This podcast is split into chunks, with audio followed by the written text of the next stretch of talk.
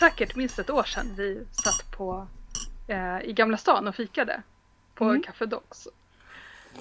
Eh, och de har ju bytt ägare nu så jag vet inte ens om de har samma teer. Men de förra ägarna de brukade ha ett te som var eh, grönt te med smak av äpple och fläder. Som jag drick, brukade dricka och tyckte jättemycket om. Mm. Eh, och därför så har jag under förra hösten så gick jag och liksom letade efter äpple och kanelte tyckte jag att jag kunde hitta någonstans. Det, Ja. det, det ville jag ha. Och, och det fanns ingenstans. Men nu häromdagen så gick jag till en annan affär än vad jag brukar göra. Och, eh, och så hittade jag påste som Mm. var äpple och eh, honung. Jaha, Så det dricker jag idag. mm, det låter gott. Eh, och så tänkte jag så här, om jag köper det i höst så kan jag ju bara tillsätta lite kanel så får jag den här eh, äppelpajsmaken på teet. Jag tror jag köpte Vad- det ett tag. Äpple och kanelte. Mm. Fast det var väldigt länge Men sedan. säkert, ja, men det finns någon som svart te tror jag. Det är det Ja. att jag vill ha grönt. Ja just det, Eh, du vill ha grönt. Ja då blir det Mm. ju värre. Mm. Vad dricker du för det? Jag dricker Cobbs uh, Earl Grey. Eh, Ja. vilket, vilket jag tycker är väldigt gott men eh, det smakar inte så mycket Earl Grey direkt. Jag tycker mer det smakar som hö. Men det är Jaha. väldigt gott. Ja, Mm. det är helt annorlunda smak än när man köper andra Earl Grey eh, teer. Men väldigt gott. Mm. Mm. Är det eh, ekologiskt? Nej, Nej, det kan ibland bli så. Eller om det är grönt te som inte är smaksatt. Så kan det bli lite hö. ja, nej det, det är jättekonstigt liksom att just det här märket smakar helt annorlunda. Men, Mm. Eller så är det det här märket som smakar som det ska göra och ingen annan gör det. Men jag vet inte. Ja, just det. Nej, vi har varit i England och druckit deras te. De vet hur man gör det. Mm, eller hur? Ja. Nu kände jag så här. Där sitter, då sitter det massor som lyssnar som bara Men har du varit i Indien? Där vet de hur man gör te. Precis. Nej, det har jag inte. Nej. England är väl nära nog. Ja, Mm. Stora ja tenation. men precis. Ja men det är, alltså, det är ju verkligen skillnad tycker jag. Jag, eh, jag hade inte kunnat ana innan vilken stor skillnad det var på te Mm. eh, i Sverige och i England. Mm. Ja, Jag har precis druckit upp de här ehm, som jag köpte till min mamma när vi var i London. Jag köpte in någon sån här frukostte på eh, British Museum. Mm. Eh, och nu har jag druckit upp dem. jag har druckit upp Ja, dem. du, Så nu Ja. sitter jag här och bara, "Ha, eh, hur ska jag köpa de här nu då? ja. Jag måste kolla om British Museum, om de, deras shop har en hemsida. Just det, det kanske de har. Ja, Eh, som skickar. Mm. Ja men vad har du haft för dig då på sista tiden? ehm, Alltså vi har ju inte setts på tre veckor eller ens, vi har inte setts på hela våren men vi inte pratat på tre veckor. Det är helt stört. ja. Vi bara, jag, jag bara sitter och väntar på att bli vaccinerad. Och Det Ja. händer ingenting. Häromdagen så tänkte jag så här, "Ja, men nu, nu går jag till Sofia. Eh, och så kollade jag och då tar det en timme och 20 minuter så det är inte helt ogörligt. Det skulle jag kunna göra. Jag kanske Eh. kommer att promenera över någon, någon dag. Ja, det låter jättebra. Mm. Cykel Mm. då? Ja men då måste jag fixa cykeln. Den är, Ja, eller hur? Ja, Jag med. det är punka och växlarna funkar inte. Och, ja. Mm. Ja. ja, men har du gjort något häxigt? Jo, eh, jag har för första gången deltagit i Right of Her Sacred Fires. Eh, som är en eh, internationell eh, ritual som massor med folk över hela världen gör på fullmånen i maj. Och det är alltså eh, eh, för att hedra Hekate. Wow, åh vad Mm. häftigt. Mm. Så berätta, altaret blev ju jättefint. Ja. Jo, men det var, det var verkligen trevligt. Eh, jag slog på stort och började med så här att duscha. Jag hade gjort te på gråbo i en kastrull. Eh, så jag hällde upp lite i, i koppar som blev en offergåva till Hekate. Eh, och så drack jag en kopp själv också. Eh, men resten så blandade jag med salt och hällde på mig när jag hade duschat.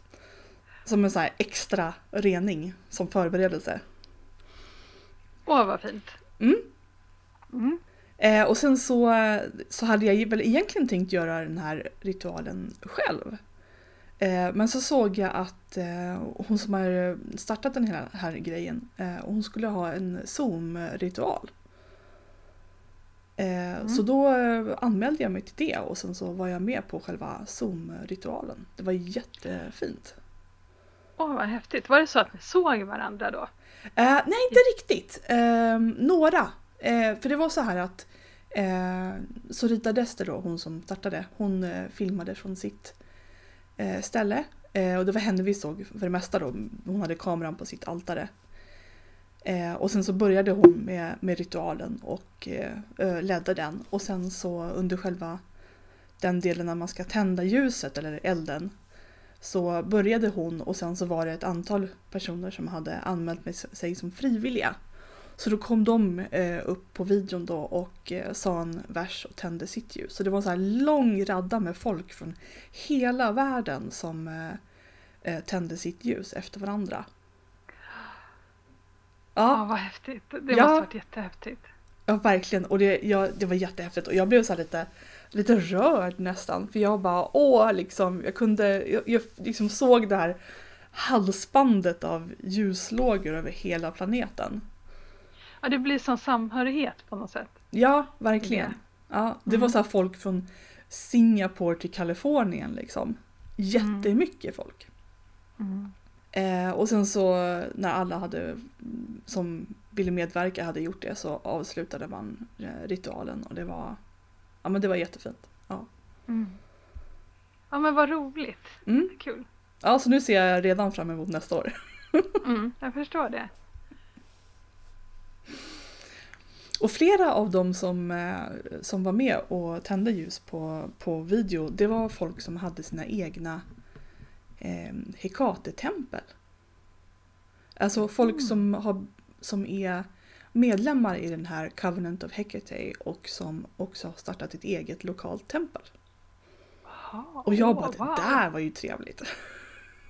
Det är ju det du ska göra. Ja, ja men eller hur! Jag blev, jag blev Ja. så sugen när jag läste om det på deras hemsida. Jag bara, åh jag måste ju gå med i den här och, och sen ska jag starta Ja. ett eget tempel liksom. Ja, ja absolut. Det är klart vi behöver ett Hekate-tempel i Stockholm. Ja, Alltså det är ju väldigt häftigt. Jag undrar hur många det finns sådana eh, eh, där, alltså för många känner sig kallade av en gud eller en gudinna på det Mm. sättet.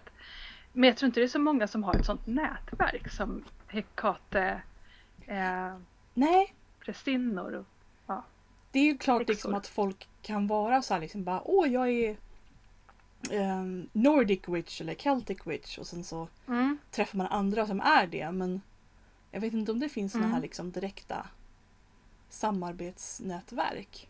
Förutom Nej. olika covens då förstås men det är inte riktigt Ja. samma sak.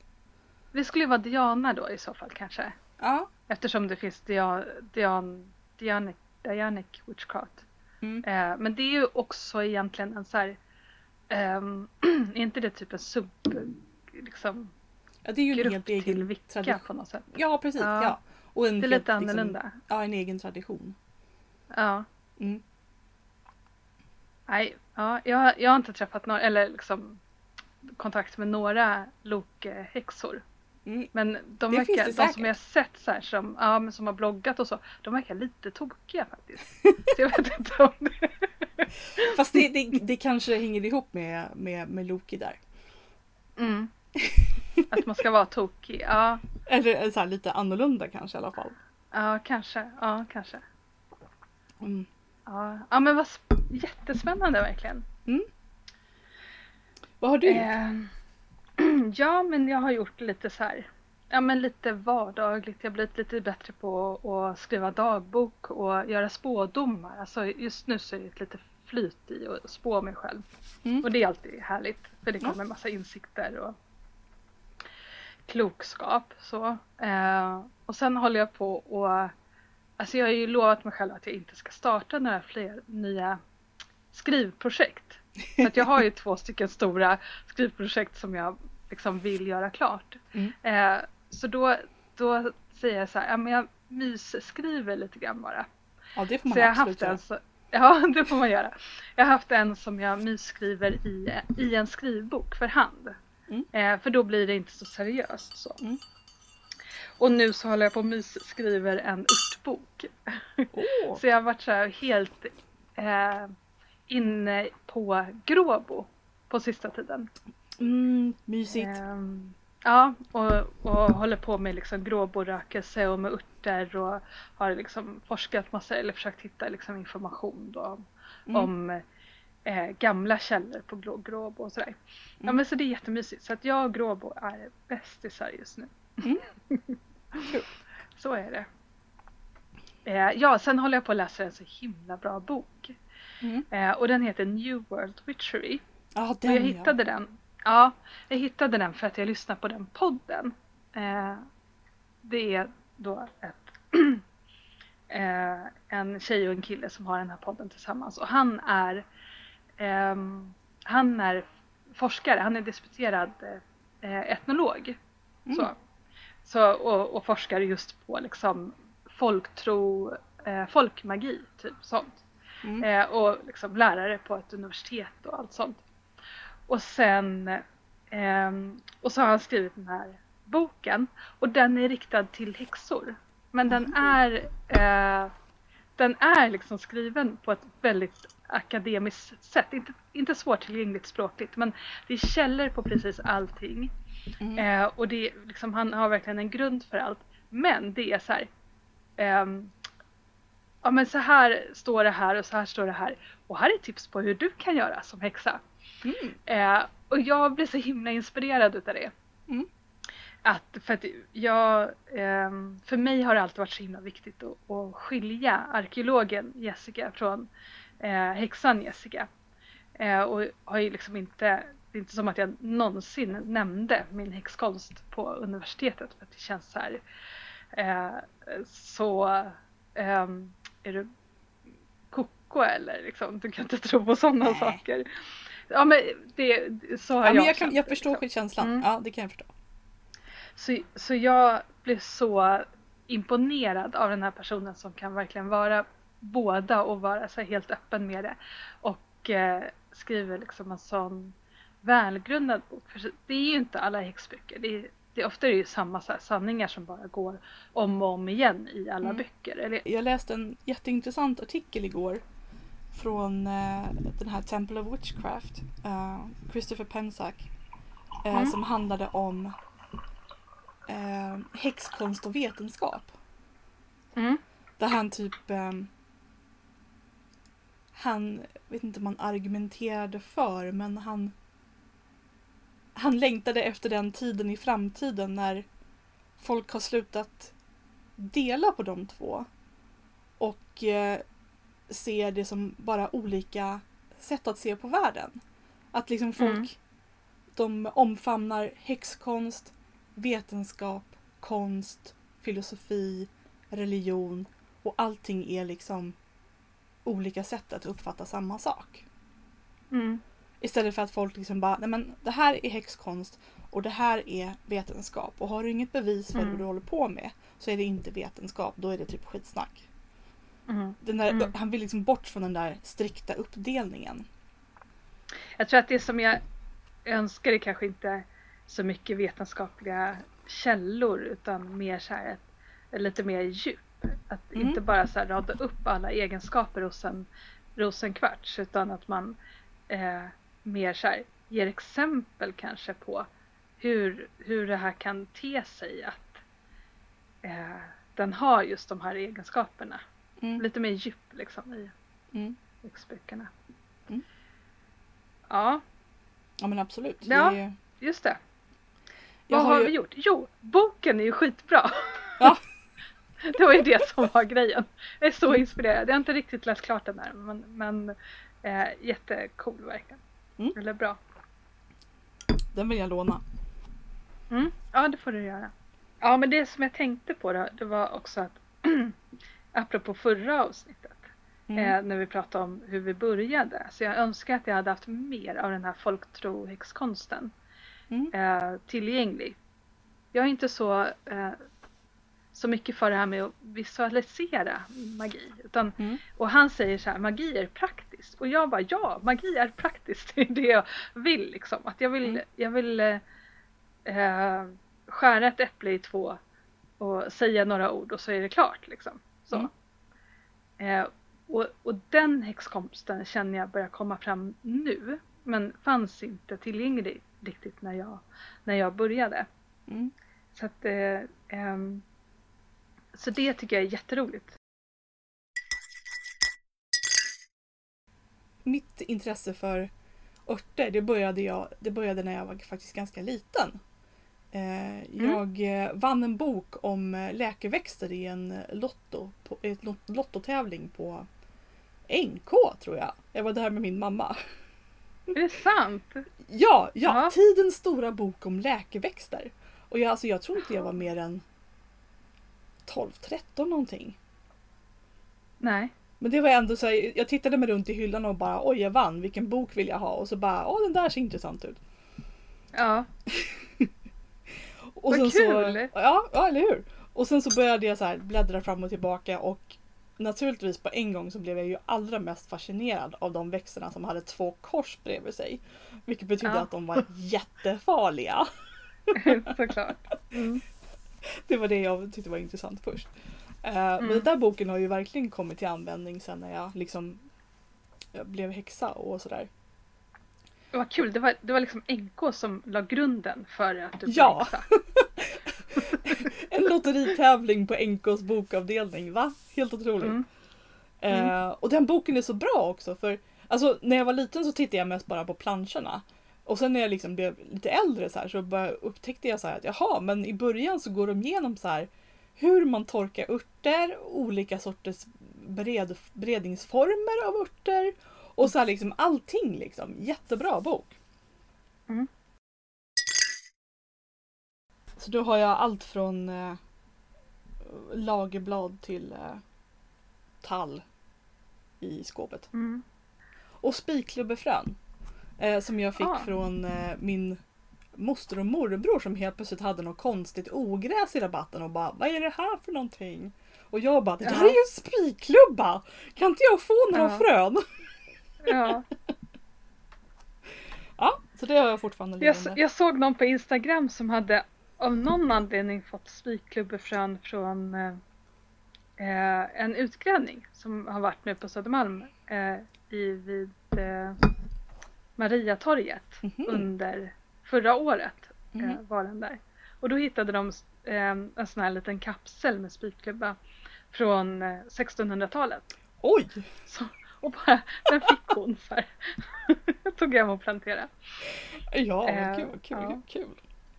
Mm. ja, Jag har ju planterat spikklubba i, i år från spikklubbefrön som jag fick från ehm, så jag fick en spikklubba från min kompis på Gotland Mm. I kruka. Och Mm. sen den är ju bara ettårig. Så Mm. den gav ifrån sig en sån här kapsel. Eh, och så planterade jag i år då. Nya. Mm. Så jag har jättemånga. Mm. Eh, så det blir många spikklubbefrön nu. Åh, eh, kul. utav dem. Mm, de är jättefina. rolig berättelse. Eh, jag, jag har sparat mina spikklubbefrön för jag, när jag tittade på Outlander eh, så Mm. gjorde huvudpersonen eh, medicin till en person med astma av eh, spikklubbblad. Just Så det, jag så långt så har här- jag faktiskt sett. Ja, jag tänkte så här om så här, zombieapokalypsen kommer eh, så kan det vara bra att ha tillgång till någon sorts eh, Ah. grej som hjälper mot astma. för jag har astma. Smart. Smart. Och de håller i 400 år uppenbarligen. Så. Ja, uppenbarligen. Så ja, då borde mina vara helt okej fortfarande. Mm.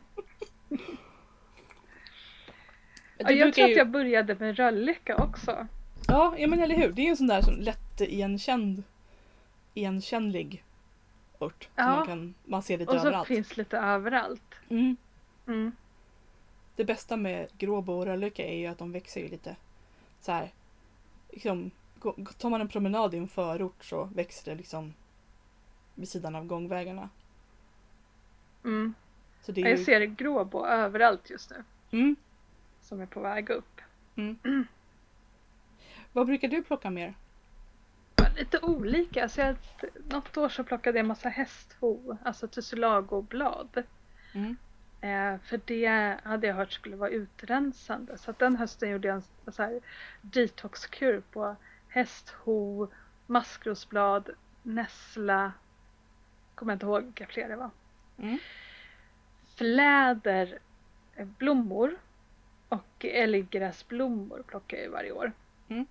Eh, sen är det ju roligt för man lär sig ju saker hela tiden. Alltså förra året lärde jag mig att, eh, och det tror jag var hon rackarungen som skrev på, på Instagram, Mm. att eh, älggräsblommor förlorar sin, sina verksamma ämnen när de torkar.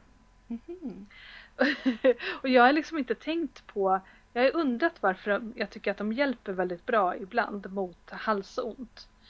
Eh, och ibland inte alls. Men det är ju för att jag har ibland liksom gjort te på dem när de har varit färska och ib- ibland då när de har varit torkade. Så Ha, nu har jag börjat frysa in det. Jaha, det kan man ju göra. Mm. Men vad mysko. Precis. För jag Mm. köpte några påsar med torkad eh, älgurt eh, som jag sen gjorde eh, varma omslag till min mamma. Och de Mm. funkade alldeles utmärkt. Ja okej, ja men de Ja. kanske inte förlorar alla sina verksamma ämnen då. Nej, och de kan, de kan ju ha varit ganska färsktorkade också. Mm. Mm. Just det. Ja, det, den hittade Ja. jag faktiskt. Det, det är den ört som jag har hittat nyligen. Så det plockade Mm. jag lite förra året. Mm. Mm.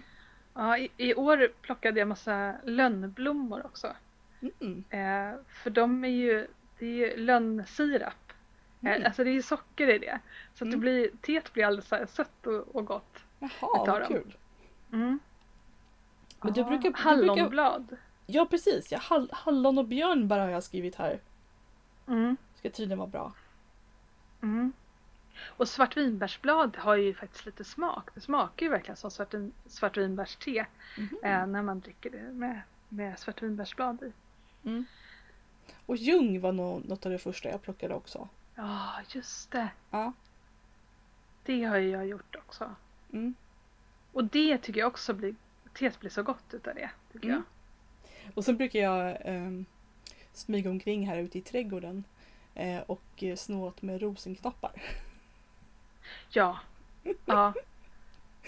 Ja men det jag plockade jättemycket rosenblad förra året. Mm. Eh, för vi har flera så här vilda, eh, eller det är nyponbuskar då. Så. Ja. Ja men de luktar jättegott. Mm. Jag hade tänkt göra det förra året men jag hann inte och så en dag så bara puff så hade de ramlat av allihopa. Mm. Ja, och så brukar ju du förse mig med lagerblad och malört. Just det, Mm. precis. Ja men malört hittade jag ju förra året när jag var hemma hos en kollega i eh, Jakobsberg tror jag. Ah, Där var det okej. liksom längs med hela tågspåret så var det bara fullt med malört. Jaha, vad kul. Ja, För den tror jag aldrig jag sett faktiskt eh, någonstans. nej, det är ju Mm. lite ovanligt. Eller jag vet inte om det är så ovanligt men jag har inte heller riktigt, alltså gråbo är ju mycket lättare att hitta. Mm. Berätta Jessica, vad, vad brukar du göra med dina örter? Um, dels så gör jag ju uh, teer, eller brygder eh, av dem. Och, eh, och då, då eh, kan man ju ta lite vad som helst. Bara man vet att det inte är giftigt. Mm. Så, det, är, eh, så att lite koll måste man ju ha på, på vad man använder. Men, eh, men det är kul, alltså jag, på senare år har jag mer och mer börjat experimentera med vad som är gott snarare än vad som är liksom, verksamt på, på olika sätt. Mm. Eh, så att eh, blad överallt ifrån. Och då kan man, alltså det som jag gör är att jag går in på jag, jag vill ju ha koll på vad det är jag, eh, jag plockar såklart. Men, och Mm. sen söker jag på eh, Giftinformationscentralen har en hemsida. Ah. Giftinformation.se Mm. Ja. Eh, Där man liksom bara kan kolla och, och de känns ju tillförlitliga. Så att, Mm. eh, står det, och det är lite roligt för det är flera saker som folk har sagt till mig så här, nej det där är giftigt. Mm. Eh, till exempel hägg var det någon som sa så här. Jag, jag, jag bara, ja men hägg det har jag druckit liksom jag blev bjuden på, på vatten hemma hos någon med liksom en häggkvist i, häggblommor. Eh, och, eh, och jag tyckte det var jättegott och så berättade jag det för någon så bara nej, hägg kan det inte ha varit. Och skrattade lite åt mig liksom för det, då, det är giftigt, då hade du blivit sjuk så. Eh, och så kollade jag det nu, jag tror att det var i förrgår faktiskt. Hur är det med hägg egentligen?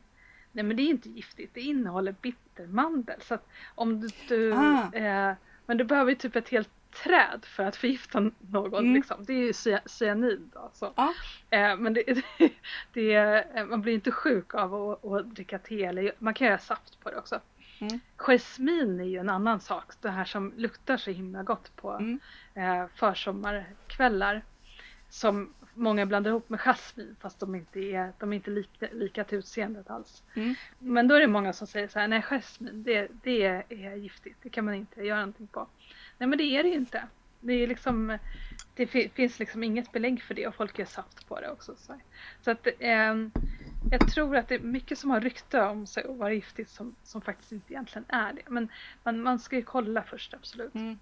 Ehm, och, och då kan man ju dricka, göra te på det som är gott då, som sagt. Ehm, Mm. Men så kan man ju också göra medicinskt. Jag, jag är inte bäst på det där med det medicinska men jag tror att alltså min, min största motivation från början var nog att försöka göra någonting åt min mensvärk. Mhm. Ehm, och, och det var nog det som var eh, rölleka, för det hade jag hört någonstans att det skulle hjälpa mot det. Och sen också så här, att jag gör te på saker som, som ska hålla mig frisk. Mm. Eh, det är i och för sig mest ingefära. Ingefära har jag nästan alltid, färsk in- ingefära för att det, det gör teet lite gott. Så. Mm. Eh, men sen tänker jag att man kan ju också dricka, och det gör jag ibland, i rituellt syfte. Mm. Alltså om man ska göra en ritual eller om man ska eh, syssla med spådomar eller någonting sånt där. Att man då kan dricka te, eh, örtte för det syftet. Mm. Ehm, alltså till exempel då gråbo, ljung, ehm, ja, som, som liksom eh, öppnar upp seendet. Eller ja, men beroende på, alltså vissa gudar och gudinnor är ju liksom kopplade till de olika örterna och, Ja, eh, och sådana Ja. saker. Mm. Ja, de, de har ju inte bara liksom ehm, eh, läkande egenskaper utan de har ju även olika magiska egenskaper. Mm. Mm. Mm. Eh, Precis. Så gråbo är en av Hekates eh, stora växter. Eh, och det sägs att om man dricker eh, en kopp örtte av gråbo innan man går och lägger sig så ska man liksom drömma vaket eller drömma sanndrömmar eller så. Mm. Få budskap. Mm. Eh, så på- på det sättet kan man ju också använda örtteerna, tänker Mm. jag. Annars så, så är jag väldigt mycket inne på rökelse just nu. Mm. Eh, och eh, rökelseknippen. Och det är så roligt att vi liksom importerar sån här vit salvia till Sverige. När vi, man kan göra rökelse av typ allt egentligen. Mm. Ehm, så att jag sitter här med min gråborökelse just nu. Att jag är helt inne på gråbo. Men Mm. alltså lavendel, har du gjort rökelse av lavendel någon gång? Nej, Det luktar ju jättegott. ja, det kan jag det tänka får mig. liksom den där lavendelsdoften i röken. Mm. Eh, så jag tänker det skulle vara kul att göra på typ rosmarin också. Mm. Ja, men du har ju rökelse av, är det enbär eller tall? Tall! Tall, Eh, ja. jag, jag eh, klippte av några såna här inte sidogrenar, men alltså på huvudgrenarna som växer, så de som växer ut åt sidorna som är sådär en 20 centimeter och har barr på sig. Några sådana Mm. klippte jag av och sen så har jag liksom eh, lindat med snöre så att barren ligger ner. Mm. Eh, och det tycker jag funkar ganska bra faktiskt. Det luktar gott. Väldigt gott. Mm. Och så fick jag ju några en, eh, enträpinnar av dig. Just det, precis. Som också är väldigt mysigt att bränna. För det kan man ju också göra om man har eh, ja, om man har huggit ner ett träd eller om man har ved hemma eller någonting sånt Mm. där. Så kan man ju liksom göra så här stickor utav det. Ja. Eh, Eh, brinner inte sådär jättebra. Eh, däremot så såg jag någon på TV som hade gjort ett knippe av enkvistar, alltså ganska tunna. Som hon hade Mm. buntat ihop. mm. Och då tänkte jag det där borde man ju kunna, kunna göra. Mm. Smart. Det där borde man ju kunna göra med julgranen också. När den har tappat allt barr. Ja, För att man inte har orkat vattna den. Så är det bara kvistar kvar. Då kan man ju ta dem och göra knippen. men är de, är de, eh, funkar, funkar, är de, är de inte döda då? Men det kanske funkar ändå. Men det är väl bra om de är... Ja, du menar liksom magiska egenskaper? Jag vet faktiskt inte.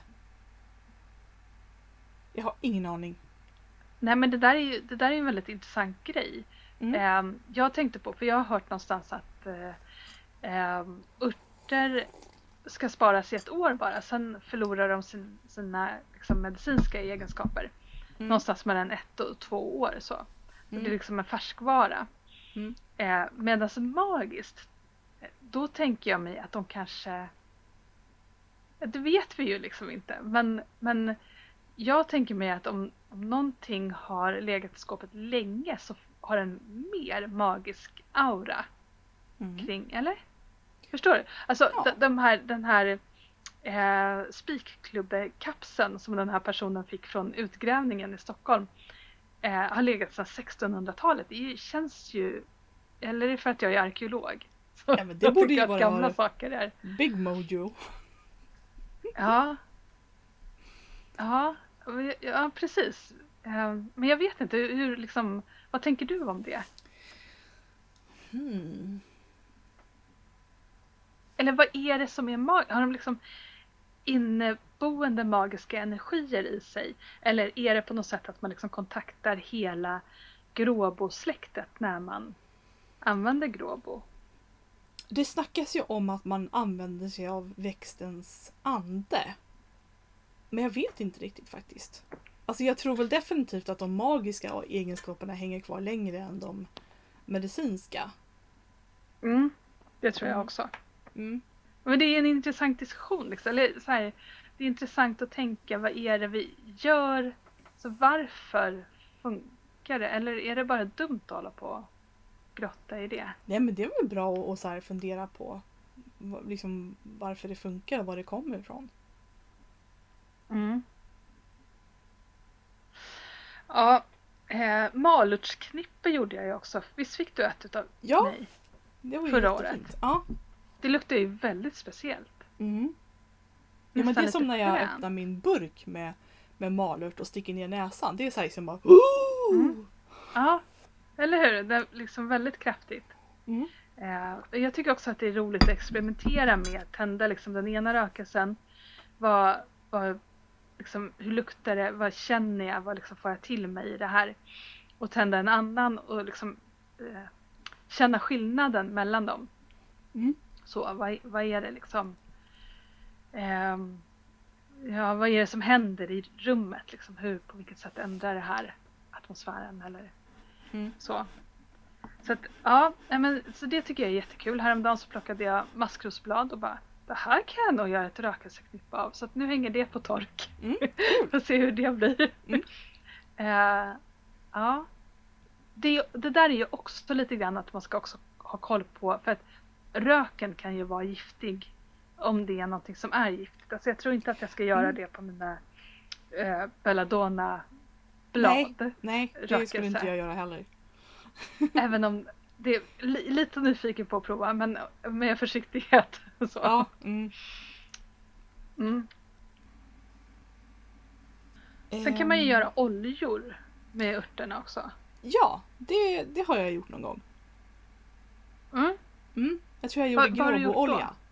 Ja men det tänkte jag också att jag ska göra för att eh, vi, jag köpte ju en, jag tror du gjorde det också på Witchfest. Ja, precis. Ja, det gjorde jag. Eh, Mm. ja, ja. Men eh, det ska jag prova att göra med både blommor, blad och rot tänker jag. Mm. Det vore coolt. Jag har varit Eh. så här, jag har gjort massa research om olika så metoder. Vilket som är bäst och hur man Mm. gör och sådär. För om man bara stoppar ner örtbitar i en olja och låter det stå så kan det ju, det kan väl mögla va tror jag. Precis. Det, Ja. det var min första erfarenhet av att göra olja. Att Ja. den möglade ganska snabbt. Alltså jag har varit så här Men- på jakt men- efter så här liksom, vad är bästa sättet att göra olja på liksom. Mm. Mm. Och då har jag alltid använt torkade örter. Mm. Eh, för är de torkade då, då möglar de inte. Så Okej. stoppa ner det i olja. Ja. Men förra året så gjorde jag eh, johannesörtsolja. Mm. Vi hade så mycket johannes, johan- johannesört på, på landet och då kollade jag ett recept. Och då var det ju så att man ska ehm, Det ska stå i färska eh, blommor, ska stå i olja. Eh, gärna eh, ska vi se, när det skulle stå mörkt. Just det, Mm. mörkt. Och sen varje dag så får man komma och röra om i det där. För det är det som ligger på ytan som, som möglar. Ah, okej. Eh, så, så, så gör man och så var det typ i två veckor eller någonting sånt där. Mm. Så den har jag använt hela vintern på min onda axel. Det funkar Aha. faktiskt riktigt bra. Härligt. Eh, och så annars, det jag mest brukar använda mina örter till det är ju som offergåvor till Hekate. Ja, Så liksom grå, gråbo, lagerblad, eh, ekollon, lavendel, eh, malört. Liksom många sådana där liksom och bara liksom eh, lägga i en liten skål som en liksom, gåva till Hekate. ja. Mm. Ja, Men det är jättefint verkligen Mm. att göra. Ja, det har jag också så här små skålar med, med örter Mm. på altarna. Mm. Mm. Och sen så alltså om man inte eh, pallar att plocka själv eller liksom har svarta fingrar eh, så är det ju helt okej liksom att plundra kryddhyllan på närmsta ICA. Mm. För det finns, alltså det är förvånansvärt mycket som man faktiskt kan köpa. Mm. Jag menar liksom Absolut. lagerblad, enbär, peppar, salvia, timjan, saffran. Det går ju liksom alldeles utmärkt. Mm. Mm. Plus att jag brukar ha väldigt svårt att hitta kamomill. Så då, då, då brukar Mm. jag alltid ha ett paket med kamomilltepåsar i skåpet. Mm. Och så om jag behöver kamomill så tar jag en tepåse och så klipper jag upp den och så häller jag ut innehållet. Mm. Mm. Ja men precis, så där, just kamomill har jag också jättesvårt att hitta. Mm. Och, och den är så himla lik Baldersbro också. Ja, Så jag, eh, och, och Baldersbro, det är inget fel på den, den har bara inte liksom samma eh, egenskaper som kamomill. mm, Eh, men jag kan inte hålla skillnad på dem alls faktiskt. Ja, man kan ju också göra tinkturer. Mm. Alltså att man lägger eh, örterna i alkohol just ja. eh, och låter dem dra.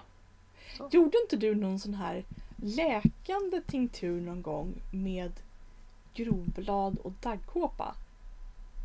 Jo, precis. Ja. Eh, det har jag gjort och, och de står på landet. Mm. Eh, på, vi har små fat på landet med pincett, tändare och tinktur på, på eh, grovblad och daggkåpa. Mm. Eh, för att vi har så himla mycket fästingar. Så att Ah. då ska man liksom kunna, i varje rum så är det ett litet fat med så här Mm. fästingakuten. Ja. Så. Mm. ja, det är väl sådana där superläkande örter. Ja men precis. Och Mm. Grovblad ska ju liksom dra ut giftet. Eller Mm. dra ut liksom saker ur kroppen. Mm. Ehm, ja, den hade jag nog i min detox, mitt detox-te också. Mm. Grovblad. Mm. Ja, eh, så det, ja, precis. Så det kan man göra. Och om man har eh, problem med, alltså om det inte går att ha alkohol hemma så ska man kunna använda destillerat vatten Mm. och eh, eh, glycerin. Men jag har aldrig, jag vet liksom inte ens var man får tag på de här grejerna. Mm. och jag har aldrig eh, provat det. Så att, eh, men det, det är bara det som jag har sett att man kan använda då, för det, alla kan inte ha alkohol hemma. Destillerat Så. vatten finns på ICA.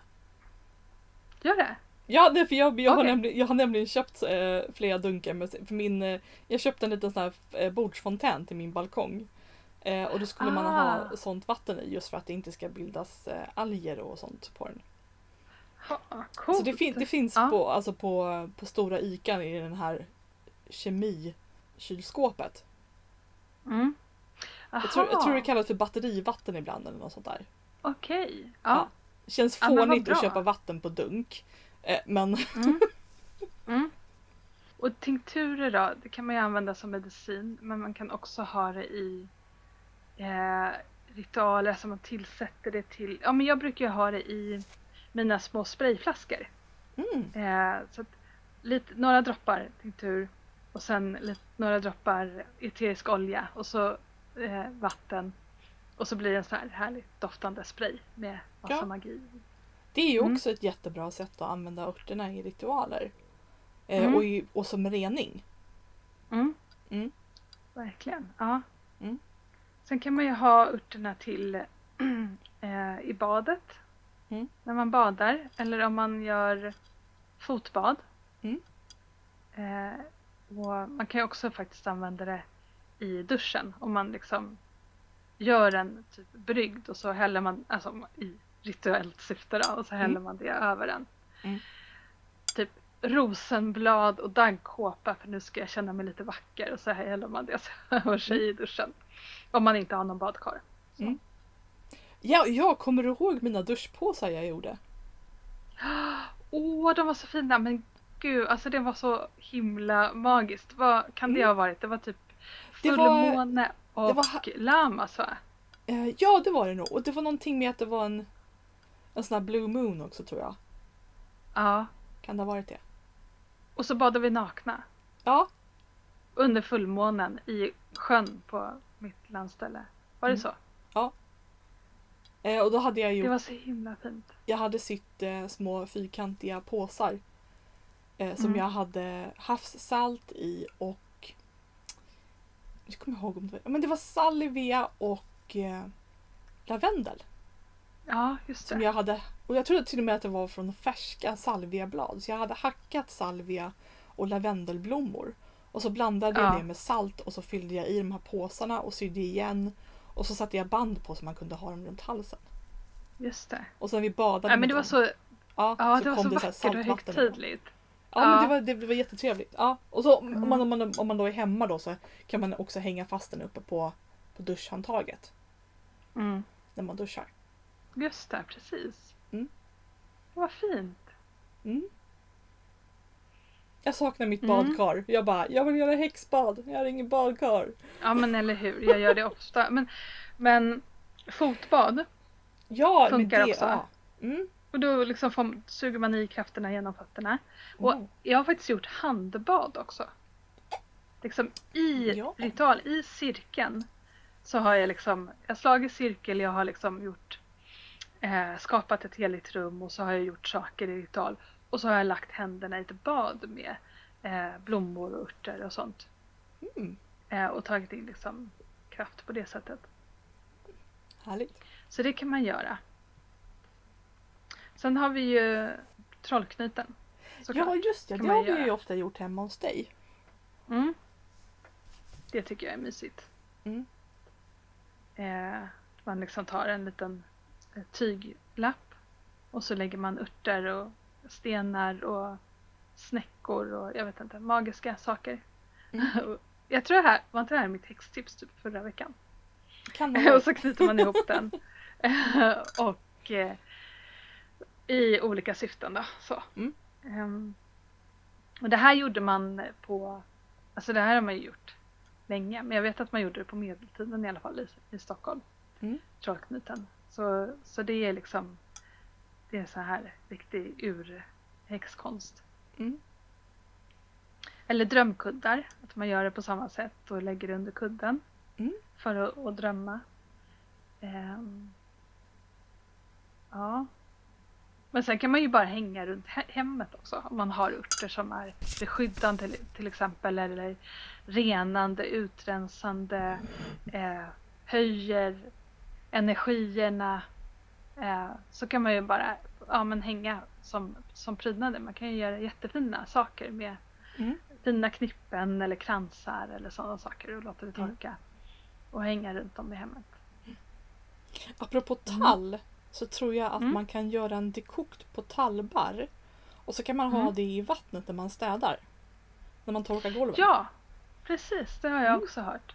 Mm. Eh, som är liksom utrensande och Och tallbarr ska tydligen innehålla skitmycket vitamin C. okej. Ja. Så tallbarrste, det är inte gott men det är tydligen jättenyttigt. Det har jag aldrig provat. Jag kan tänka mig att det är gott. Nej men alltså tro mig. eh, Det var en sån där sak som jag brukade roa mig med när jag var liten och vi var ute på landet. Eh, Ja. Då gjorde jag så här, det enklaste i världen var ju liksom att så här, nu tar jag en näve talbar och så gör jag te på det och så Ja. dricker man och bara Ja. nej det här var inte gott. Ja men det kan man ju, eh, när man är barn så är man ju väldigt så här, Ja, eh, alltså kräsen med smaker. jag kan ju tänka mig att med, med en liten gnutta honung och lite mjölk så skulle det vara helt acceptabelt nu. Alltså du har ju varit häxa sedan du vann den där boken på NK. Ja, eller hur? när jag började tänka tillbaka på vad jag liksom höll på med när jag var liten så bara "Ah, ja men det var nog ganska förutsägbart att jag blev Ja. häxa. Ja, verkligen. Mm. Ja. Ja men absolut, Gud, det ska jag prova. Alltså tall är ju mitt kraftträd. Mm. Så jag vet inte varför jag aldrig har druckit tallbärste. Te, det är klart. Ja det är en klassiker. Mm. Ja, för, för dig ja. Ja för mig ja. Ja men hur är det med Alltså en häxsanning är ju att man aldrig ska eh, eller häxregel, en regel. Det här är ju en regel för alla egentligen. Man, man ska aldrig plocka rent. Utan man plockar lite grann bara. Ja. Eh, och, och så lämnar man växter. Men Mm. hur är det med att fråga först då? Fråga växten. Gör du det? Alltså jag har väl gjort det någon gång men jag har nog kommit ifrån det lite. Mm. Men jag försöker ju liksom att vara lite så här inte plocka allting. Det, det, det gör Mm. man ju inte. Man försöker Mm. ju lämna kvar lite. Mm. Ja. För det, alltså jag tänker så liksom att en av orsakerna till att man, man vill plocka örter det är ju också liksom för att ta vara på det som faktiskt växer omkring en. Och på naturens Mm. resurser.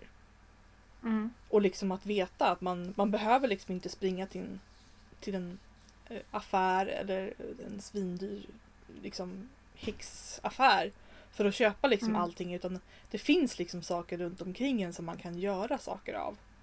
Mm. Och det, är liksom, det, det finns så otroligt mycket omkring en. Så många resurser som Mm. man kan ta hand om. Mm. Och då vill man ju samtidigt inte liksom ta allting. Nej, just det. Precis. Det, är ju, det handlar ju om balans där liksom. Ja. Mm. Ja, men för jag är så här, när jag, när jag frågar växterna då kommer hela mitt, så här, min skuld över att vara människa och liksom blockerar. Jag kan inte fråga för det blir bara nej. För, för att jag liksom projicerar det. Mm. Ehm, så att det jag har börjat göra är att jag typ i tanken så här kommunicerar. Nu ska jag plocka. Nu kommer jag plocka ett blad här. Men jag kommer att plocka den här blomman. Eh, och då tänker jag att det är liksom, då hinner de dra tillbaka. Jag vet inte vad jag tänker riktigt men, men att det är, det funkar för mig. Ja. Eh, Man kan ju ge tillbaka någonting också. Man kan ju till exempel ta med sig en, en flaska vatten eller en, en kristall eller eh, någonting Mm. som man lämnar på stället där man plockar. mm. Så att man liksom ger någonting Ja. tillbaka. Jag brukar skicka lite healing Ja, det kan man ju också göra. med, med händerna. Så. Mm. Lite healing energi. Mm. Eh, så känns, då känns det bättre. Jag tror att man liksom i vissa eh, kulturer eh, och traditioner har haft liksom sed att typ eh, alltså ritualer kring eh, plockandet Mm. när man plockat örter. Man typ har liksom sagt ramser, sjungit sånger liksom på något sätt eh, där man liksom kommunicerar med växtanden och liksom eh, eh, gör, gör det här på rätt sätt då, på något sätt. Mm. En sida på nätet som jag tycker är jättebra när det gäller örter. Både med liksom eh, medicinskt och eh, men framförallt liksom folktro kring örter och traditioner och eh, som är ganska liksom utförlig. Den heter ma- magistliv.se Mm. magistliv.se Hon heter Luna, hon som skriver. Mm. Eh, men den kan jag verkligen rekommendera, den är jättebra. Den fornlämning som jag tänkte prata om idag kallas för treudd, eller treuddar. Eh, och det är en typ av stensättning där stenarna är lagda i en form med tre spetsar och välvda kanter, kanter som är välvda inåt. Så. Eh, ibland är de helt ifyllda eh, och ibland är det bara kantlinjerna som syns. Så. Ehm, och de här ligger ofta på gravfält. Men ibland är de också eh, självständiga, alltså ligger, ligger för sig själva. De finns i södra Sverige och en bit upp i Norrland. Men det, det är framförallt eh, Svealand och Götaland som de ligger i. Och de kommer från hela järnåldern. Så det är från 500 före vår tidräkning till eh, 1000-talet så ungefär. Eh, och det här är ytterligare en sån här kategori av fornlämningar som kallas för grav fastän de är helt fyndtomma. Eh, ofta. Inte alltid. Jag hittade, när jag gjorde lite research för det här så hittade jag två stycken, eller någon som hade där man hade grävt ut och hittat två urnor med eh, benrester i, alltså från människa. Och en med ett brandlager under hela. Så. Och då är det är från att man har kremerat den döda och så har man lagt ut brandlagret under. Men annars är de ofta fyndtomma. Ehm, och då kan man ju fråga sig var, varför har man anlagt sådana här konstruktioner? Ehm, en forskare har föreslagit att det här är, ska symbolisera Yggdrasils tre rötter. Ehm, och det tycker jag är en ganska kul idé. Och det som man också kan tänka på det är att man vet ju inte hur miljön såg ut på den här tiden, alltså när man anlade den här. Kanske var det så att man hade träd där i mitten eh, som sen har försvunnit då så det är bara stenarna kvar. Det man kan säga då är att det är för tidigt för att det ska vara den kristna treenigheten. För det ser man ju ibland när man, man eh, på det här tecknet till exempel eh, triketa som är keltiskt tecken med tre sidor. Att det då ska symbolisera den kristna treenigheten. Eh, men eftersom de här anlades redan i början på järnåldern så har ju liksom inte kristendomen varken uppstått eller kommit till Norden än. Så det är någonting tidigare. Um, och då är det ju liksom fritt fram för oss att fundera och tänka på vad, vad betyder tretalet? Det är ju viktigt i gamla sagor. Eh, det är ju alltid tre, tre gånger man gör saker eller det är tre bröder som ska göra någonting eller man får tre önskningar eller någonting sånt där. Eh, man kan ju också tänka sig att det är de tre nonorna Urd, Skuld och Verdandi som det symboliserar. Eller kanske månens tre faser, eh, kanske eh, jungfrumoder, moderkärring som man ändå kan hitta belägg för. Det som, som man också kan se i eh, den skandinaviska arkeologin är att det finns ett visst keltiskt inflytande under den här perioden. Så att det som, som, eh, som vi vet om den keltiska förkristna religionen eh, kan även ha liksom, eh, funnits här i Sverige. Mm, vad mer? Kanske en skapad trevägskorsning. Eh, kanske eh, kopplingar till, kanske inte Hekate i sig, men den typen av gudinna. Eh, och trevägskorsningar eller korsningar överhuvudtaget är ju viktigt i svensk folktro ända in på 1800-talet. Att man gräver ner saker, gräver upp saker, man möter folk, det händer saker i eh, korsningar. Ja, så um, ut och leta. Den har ingen egen kategori på fornsök utan man fritextsöker på treudd och då får man 1913 träffar.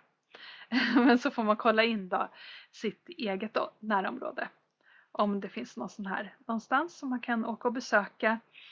Eh, kanske sätta sig på och känna in vad är det här för tre, tre tal som finns i de här, den här fornlämningen. Eh, veckans eh, häxiga filmtips är The Love Witch från 2016. Handlingen lyder ungefär så här. En modern häxa använder besvärjelser och magi för att få män att bli kära i henne med dödliga konsekvenser. Eh, det är en väldigt eh, kitschig film den här. Den är väldigt inspirerad av eh, 60 och 70-talens eh, femme fatale-filmer i grälla färger. Eh, och den handlar alltså om en häxa, Elaine, som desperat försöker hitta den stora kärleken och använder sig både av trollformler och eh, magiska drycker. Eh, och det hela går lite för bra. Och till slut så börjar hon lämna sig en radda med lik efter sig. Förutom den fantastiska scenografin och så anar jag också en liten feministisk underton här. Eh, där den här kampen för kärleken, det vill säga det som kvinnor liksom är det är det som är accepterat att kvinnor ska vara ute efter. De ska liksom vilja hitta den här stora mannen i sitt liv och eh, den här myten om att kvinnan har någon sorts makt över mannen genom sin sexualitet. Här så drivs det hela till sin spets och eh, blir verkligen på liv och död. Förutom att det är en väldigt snygg film så känns häxkonsten i den också väldigt äkta. Eh, och det finns många symboler, eh, motiv och bilder och ritualer som man verkligen kan känna igen från riktig häxkonst. Det är ju jätteroligt. Mm, mm, absolut. Ja. Det är så här väldigt eh, nördigt, häxnördigt. Eh, så den kan jag verkligen rekommendera. The Love Witch heter den. Jag tror att den ska finnas på några hyrsajter här i Sverige. Annars så köp. Ja men skoj, den, den vill jag se. Har du några häxtips Eh. Jessica? Ja, mitt häxtips är att eh, man kan läsa sig till så himla mycket i böcker eller på nätet om, om örternas eh, magiska kraft. Men man kan också bara vara med, med örterna. Mm. Så kommunicera skulle man kunna säga men att man liksom sitter och ändå känner in växterna och känner vad man själv upplever och, och att man skriver ner det. För att ibland så tycker jag att ehm, vissa saker kan vara mer förvirrande än hjälpsamma plus att det står olika överallt. Så att det är Mm. sådär, en, en ört kan vara maskulin på ett ställe och så står någon annan att den är feminin och vad nu det ska betyda.